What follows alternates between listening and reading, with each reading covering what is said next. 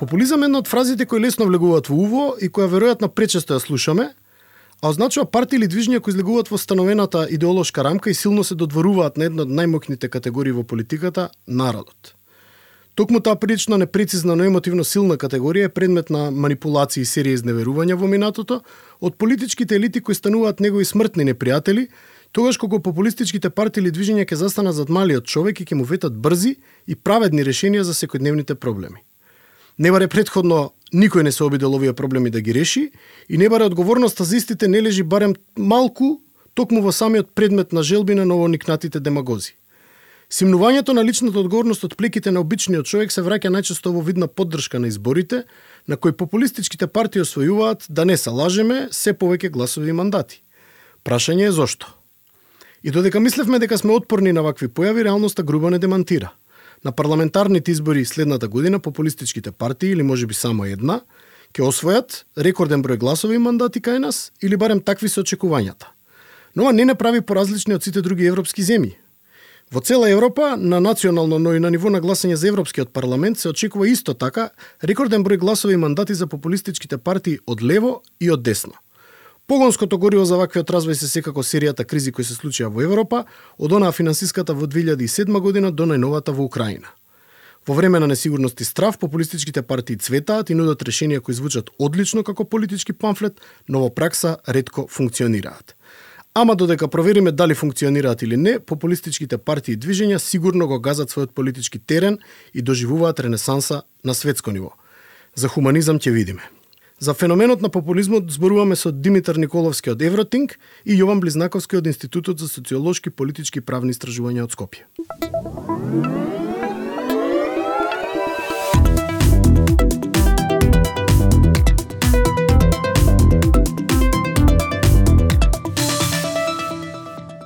Да тргнеме од настанувањето на терминот.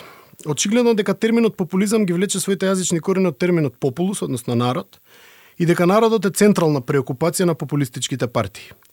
Сепак не може да се каже дека и другите партии кои не се обележани како популистички не го ставаат народот на прво место, но сепак не го носат овој епитет. Што е различно кој популистичките партии во нивниот однос со народот? Некаква блискост, интимност, посебен однос кој другите го немаат?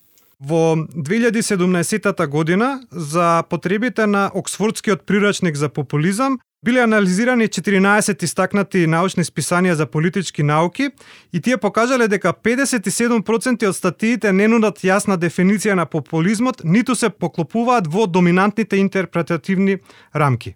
Например, една од по старите дефиниции на популизмот е од Никос Музелис, кој работеше на Грција и правеше некои паралели помеѓу своето истражување и Латинска Америка, заклучувајќи дека популизмот се одликува со присуство на силен лидер, мобилизација на исклучените сектори од општеството и манихеистичка реторика која разликува помеѓу лошата власт и добрите луѓе. Прво имаме ситуација кај што не е само во популизмот, не е само народот тој што е клучен, као што као што добро забележа ти.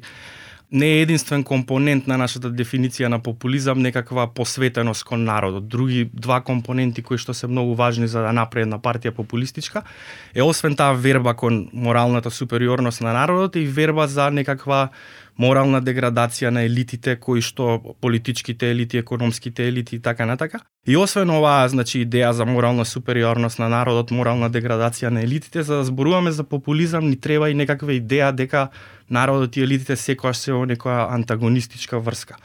Да пробаме, ако не може точно да се дефинира поимот, да пробаме со одликите на популистичките партии, ако не може доволно прецизно да се дефинира Од една страна постои од она што јас сум го забележан константен мотив на виктимизација на народот, односно представување на народот како жртва на злите и користољубиви политички елити. Од друга страна постои комплетно отстранување на каков било поредок на институции и механизми со оглед дека популистите сакаат директна комуникација со народот, да нема никаква никаков бафер помеѓу нив и, нив и народот. Дополнително тука е мотивот на брзи и ефикасни решенија, особено брза правда и по цена на заобиколување на нели и онака корумпираниот судски систем. Тука е антагонизмот и константна поларизација на наши и сите оние кои се против нас, патронизирањето исто така, романтизација на општеството наспроти државата, романтизација на некои дамнешни времиња во кои народот живеел подобро, симпатии кон малиот човек и така натаму, но ова е далеко од исцрпна листа на карактеристики на популистичките движења и партии. Што постои уште во овој популистички универзум? Една работа што ми се чини дека недостасува е таа една карактеристика на популистички партии што имаме во однос на имплементација и креирање на јавни политики, нешто што го гледаме во нашето општество прилично често. Таа склоност кон брзи решенија, како што беше спомната, не е само склоност кон брза правда, него и склоност како ќе имплементираме нешто. Не знам, треба да се изгради мост, ќе го направиме тоа брзо, нема да го направиме земајќи ги предвид сите фактори, со идеја дека мостот треба што побрзо да се да се стави во употреба за граѓаните. Еден од најпознатите теоретичари на популизмот, Кас Муде, вели дека има неколку теории кои го вклучуваат значи, концептот на таа опозиција помеѓу луѓето и елитата, како на пример што е социализмот а, значи ја базира конфликтната ситуација на концептот на класа. Национализмот а, ја базира на концептот на нација. Но популизмот ја базира оваа конфликтна ситуација на моралноста. Мислам дека тоа го испуштивме во представувањето. Муде вели дека иако дури и во нивната собствена нација, популистите гледаат на основната опозиција помеѓу луѓето и елитата, иако тие луѓето и елитата може би имаат различни социоекономски интереси, ово не се должи на класата, туку а, најмногу а, на моралноста, тоест а, неморалните елити и моралниот чесен добар а, народ. Него вела дека популизмот не е идеологија, туку повеќе менталитет, реторичка манипулација или само стил на водење на политика. Одредени автори велат дека е само едноставна алатка за социјална и политичка мобилизација, одредени социолози и филозофи дури велат дека тоа е само ново име за еден прилично стар феномен, феноменот на политичка демагогија, која постоела веројатно од кога постои човечкото општество. Што е според тебе најточно од овие дефиниции? не би бирал некоја најточна дефиниција, меѓуто има три некои главни пристапи кон истражување на популизмот. А, како што го споменав Муде, тој е представник на таа идеолошка а, или дискурсивна а, дискурсивен пристап кон истражување на популизмот. Понатаму го има Курт Вейланд кој е следбеник на политичко-стратегискиот или организацијски пристап, кој мислам дека тоа најмногу одговара во поинструментален пристап, да. Така е, по тоа е поинструментален пристап го го дефинира популизмот како политичка стратегија преку која персонализираниот лидер или харизматичниот лидер бара власт или ја извршува власта на основа на директна, непосредна, неинституционализирана поддршка од голем број на главно неорганизирани следбеници. Е сега исто така од друга страна има еден малку помалку застапен пристап, тоа е социокултурниот, иако е многу интересен тој пристап, меѓутоа јас не сум го користел во своите истражувања. Представник е Пьер Остиги или Остигај. А, тој едноставно го нарекува популизмот мафтање или перчење со тоа што е ниско во политиката. Значи ја дели политиката на ниско и високо. На високо е она за кое постојат некои поголеми а, консензуси, како на пример либерализмот, национализмот и така натаму и постојат Таки поголеми мета идеи. Мета идеи и постојат политичари кои извршуваат политиката, кои се однесуваат на еден достоинствен културен начин, костумисани и сето тоа. Е сега, популизмот го, идент, го идентификува она што не е во, на тоа високо ниво. Она што може би не е кажано, не е дефинирано и го вади на површина.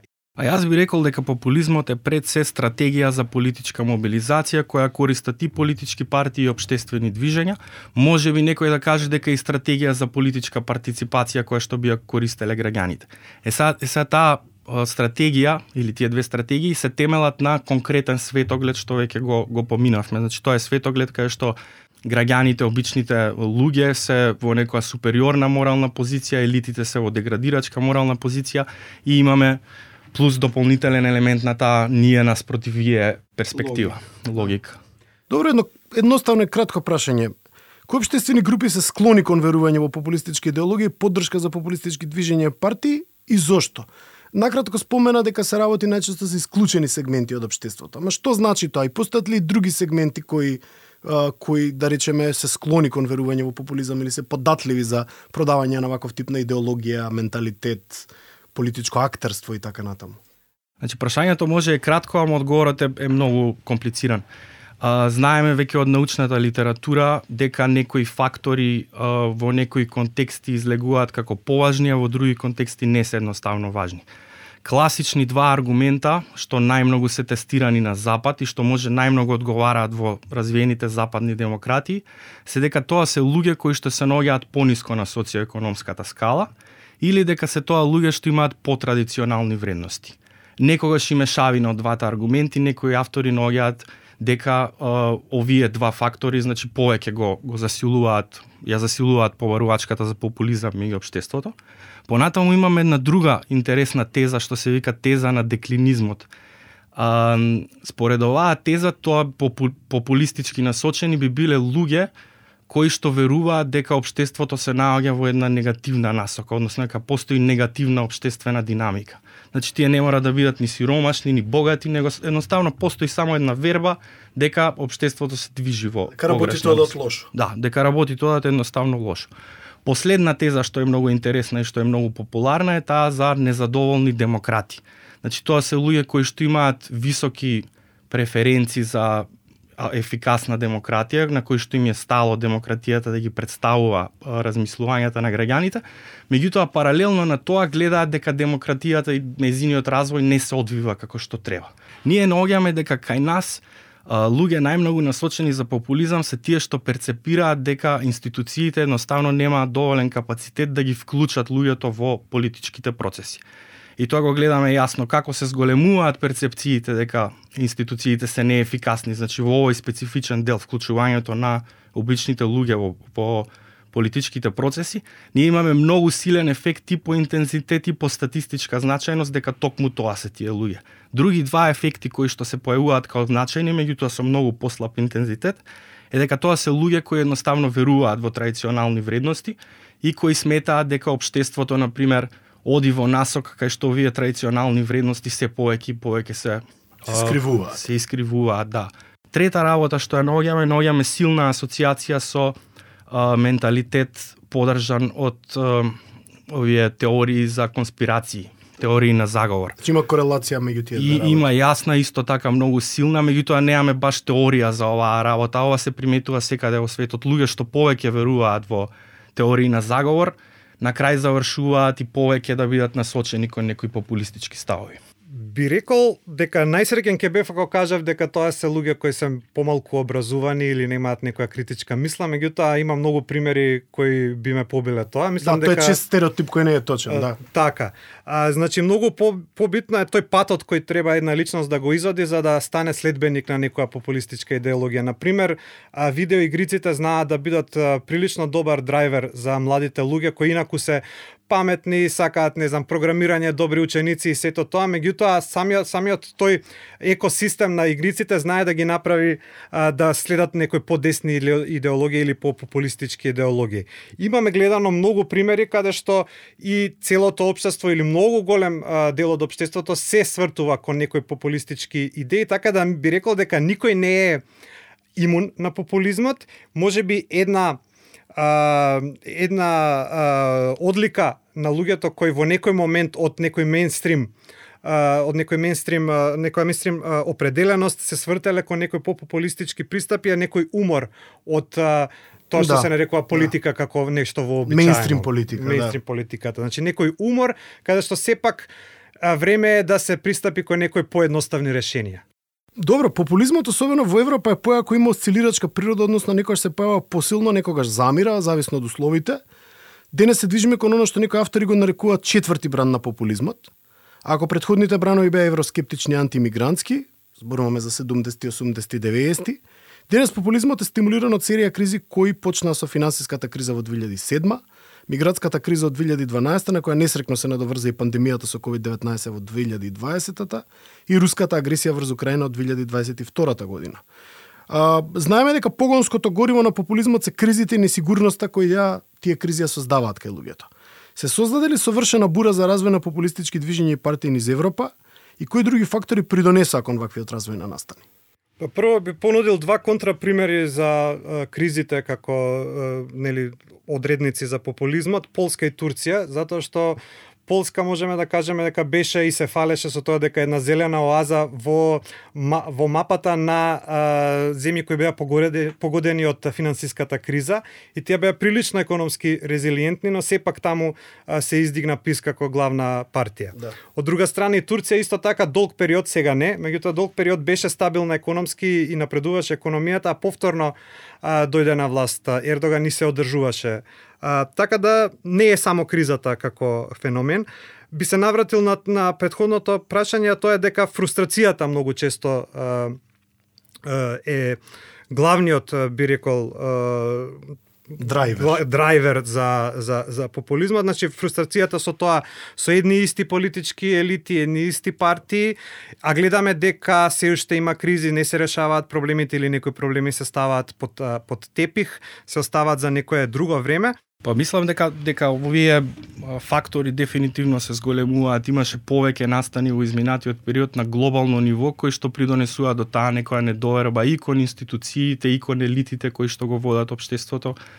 А, е сега за, за ова вистински да да биде некаква експлозија, потребни ни се и актери кои што таа ситуација ќе експлотираат во насока да посочат дека ете системот е тој што е проблематичен и затоа луѓето, обичните луѓе треба да ги земат работите во своји раце. Значи мислам вака тоа е еден впечаток мој дека не се само кризите, него ни се потребни некои плюс актери, а гледаме често во изминатиот период дека а, популистички движења се финансираат и од други земји или се поддржуваат од други земји и мислам дека популизмот влегува како некоја а, како некој дополнителен елемент на една глобална некоја некое глобално несогласување што го гледаме а, помеѓу западните земји и земјите кои што не се а, кои не припаѓаат во таа западна развиена демократија. Значи добар и како инструмент. Ја спомнаев де наредната година во јуни ни следат изборите за Европскиот парламент, како што сега стојат работите, веројатноста популистичките партии да освојат многу поголем број на мандати во однос на сегашниот состав е многу голема. Покрај традиционалните, јас би рекол, и леви и десни популисти како Фидеш, АФД, Дилинке, Герб, Подемос или Фратели d'Италија, на списокот ќе се најдат и многу нови популистички движења и партии кои ќе го сменат ликот на Европскиот парламент. Сепак вистинското прашање за нас е како ќе се одрази ова на нас. Дали ќе влие негативно на нашите аспирации за интегрирање во или токму ова се партиите кои ќе донесат промена на подобро? Може тоа да е така, меѓутоа мислам дека во глобала популистички партии се главно насочени против проширување, насочени се кон а, евентуално ако станува збор за леви популистички партии може да бидат поблаго наклонети кон проширувањето, ама ако станува збор за десните што се и нај и овие што беа прочитани повеќе тоа беа десни партии, а, тие повеќе тераат агенда на во насока на спречување на проширувањето и не само спречување на проширувањето, него и спречување на која било меѓунационална интеграција како таа во во Европската унија. Значи јас мислам дека кога ќе се прошири листата на партии во парламентот, дека проширувањето и понатака ќе биде прилично потешко Има едно генерално видување дека популистичките партии во Европа се по дефиниција ксенофобични и, против проширувањето на Европската унија, иако тоа не е така. Сега уште у 2014 година председателот на Европскиот парламент тогашниот а, Мартин Шулц рече, рече дека популизмот е закана за стабилноста на Европската унија, но има и многу други автори кои кажуваат дека популизмот може да игра и една многу емансипаторска улога сепак не сите популистички партии се против проширувањето. Да, ако ги земеме западноевропските како на пример Лепен, АФД или Фратели Италија, тие се против проширување и можат многу лесно да, да го искористат стравот од, од странците и преоптовареноста на миграцијските системи од тоа да кажат дека не сакаме веќе проширување на Европската унија. Од друга страна, можеме да видиме дека Фидес со сите своји нели маани внатре во а, во, во Унгарија, многу позитивно се однесуваат да, кон проширувањето за нај. Инсистираат и дури велат дека треба да ни се прогледа кроз прсти а, во однос на владење на правото. Значи тие тоа то, на тоа му пристапуваат прагматично затоа што сакаат подоцна да имаат сојузници внатре во Европската унија. Замислете да, ги Вучич и Орбан заедно како еден блок во Европската унија. Доскоро сметавме дека популистичките движења и партии не се наш проблем и дека неефективно би ги отфрлиле и не би им оставиле простор за развивање. А потоа од ненадеж или можеби од една сосема поинаква идеолошка позадина која првично не беше популистичка, се појави партија која буквално по книга ги исполнува сите карактеристики да, да биде наречена популистичка. Што доведе да и кај нас се појави еден ваков тип на партија? Се чини дека овој бран во Македонија нема да застане на една партија, така барем јас можам од оваа перспектива да шпекулирам, Каков е тој специфичен македонски политички развој кој придонесе популизмот да зафати корен кај нас? Социоекономската ситуација, потрошеноста на традиционалните актери на политичката сцена, фрустрираноста со константните идентитетски иритации на патот кон НАТО ЕУ или можеби нешто сосема друго. Кој е гласачкото тело кое поддржува популистички партии кај нас? Би рекол дека како основа ние имаме супер основа за развивање на популизмот овде, затоа што сите сме раснети со тоа чувство на неправда која ни е направено на нас како македонци или како граѓани а, на Република Северна Македонија.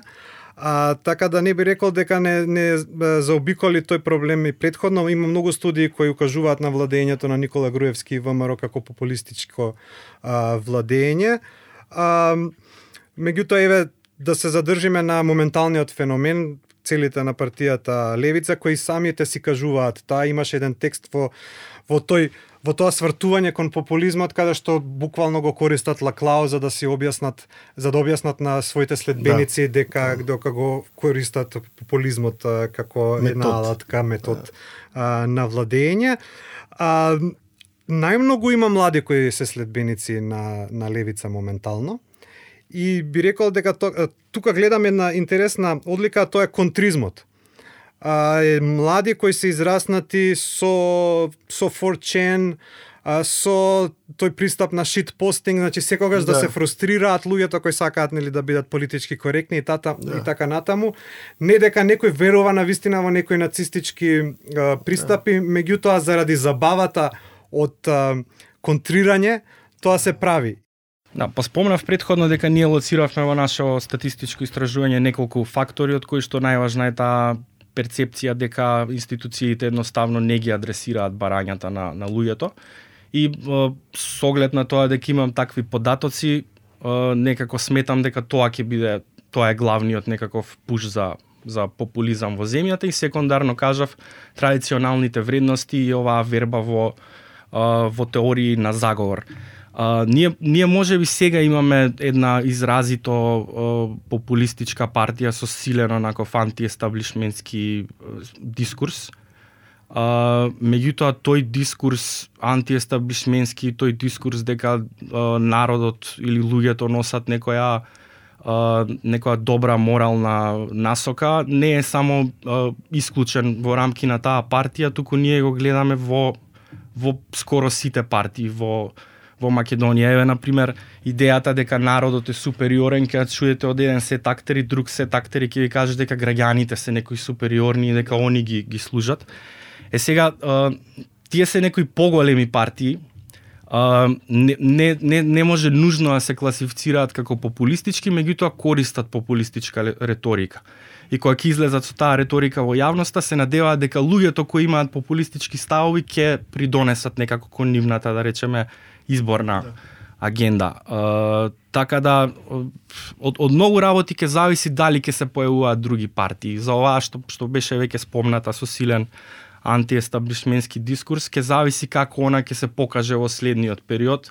Uh, можно е да ги фати повеќето гласачи со со тие популистички да ставови, да не остави простор за други. Меѓутоа ако се остави простор, ако не се покаже, ако не ги оправда популистичките барања за кои што патеме многу тешко да се оправдаат често. Така. А, доколку не ги оправда, може да има простори за други актери, а јас лично и не се сомневам дека големите партии ќе продолжат со популистички дискурс, може би во помала мера од овие помалите и во следниот период. Наместо заклучок еден мал совет. Ако некој константно ви вели дека не сте виновни за ништо, дека секогаш некој друг е крив за вашите проблеми, дека сите политички елити и сите политичари освен тие самите се виновни за се, дека имаат брзи и магични решенија за проблемите, дека под нивно водство ќе доживеете лична и семена природба, финансиска и морална, дека ќе ги вратат времињата кога сите бевме срекни и сплотени, дека ќе доживееме национална ренесанса, дека сите криминалци и измамници преку ноќ ќе бидат пратени во затвор, дека ќе станеме фактор во регионот и дека ќе имаме највисок раст на бруто домашниот производ во Европа, продолжете да верувате во бајки. Иако за волја на вистината, новопечениве популисти не се први што ни ги раскажувале. Може би треба да го смениме жанрот од научна фантастика во нешто пореално, ама па тоа е тешко за читање. До следниот подкаст поздрав до народот од вашиот водител Ненад Марковиќ.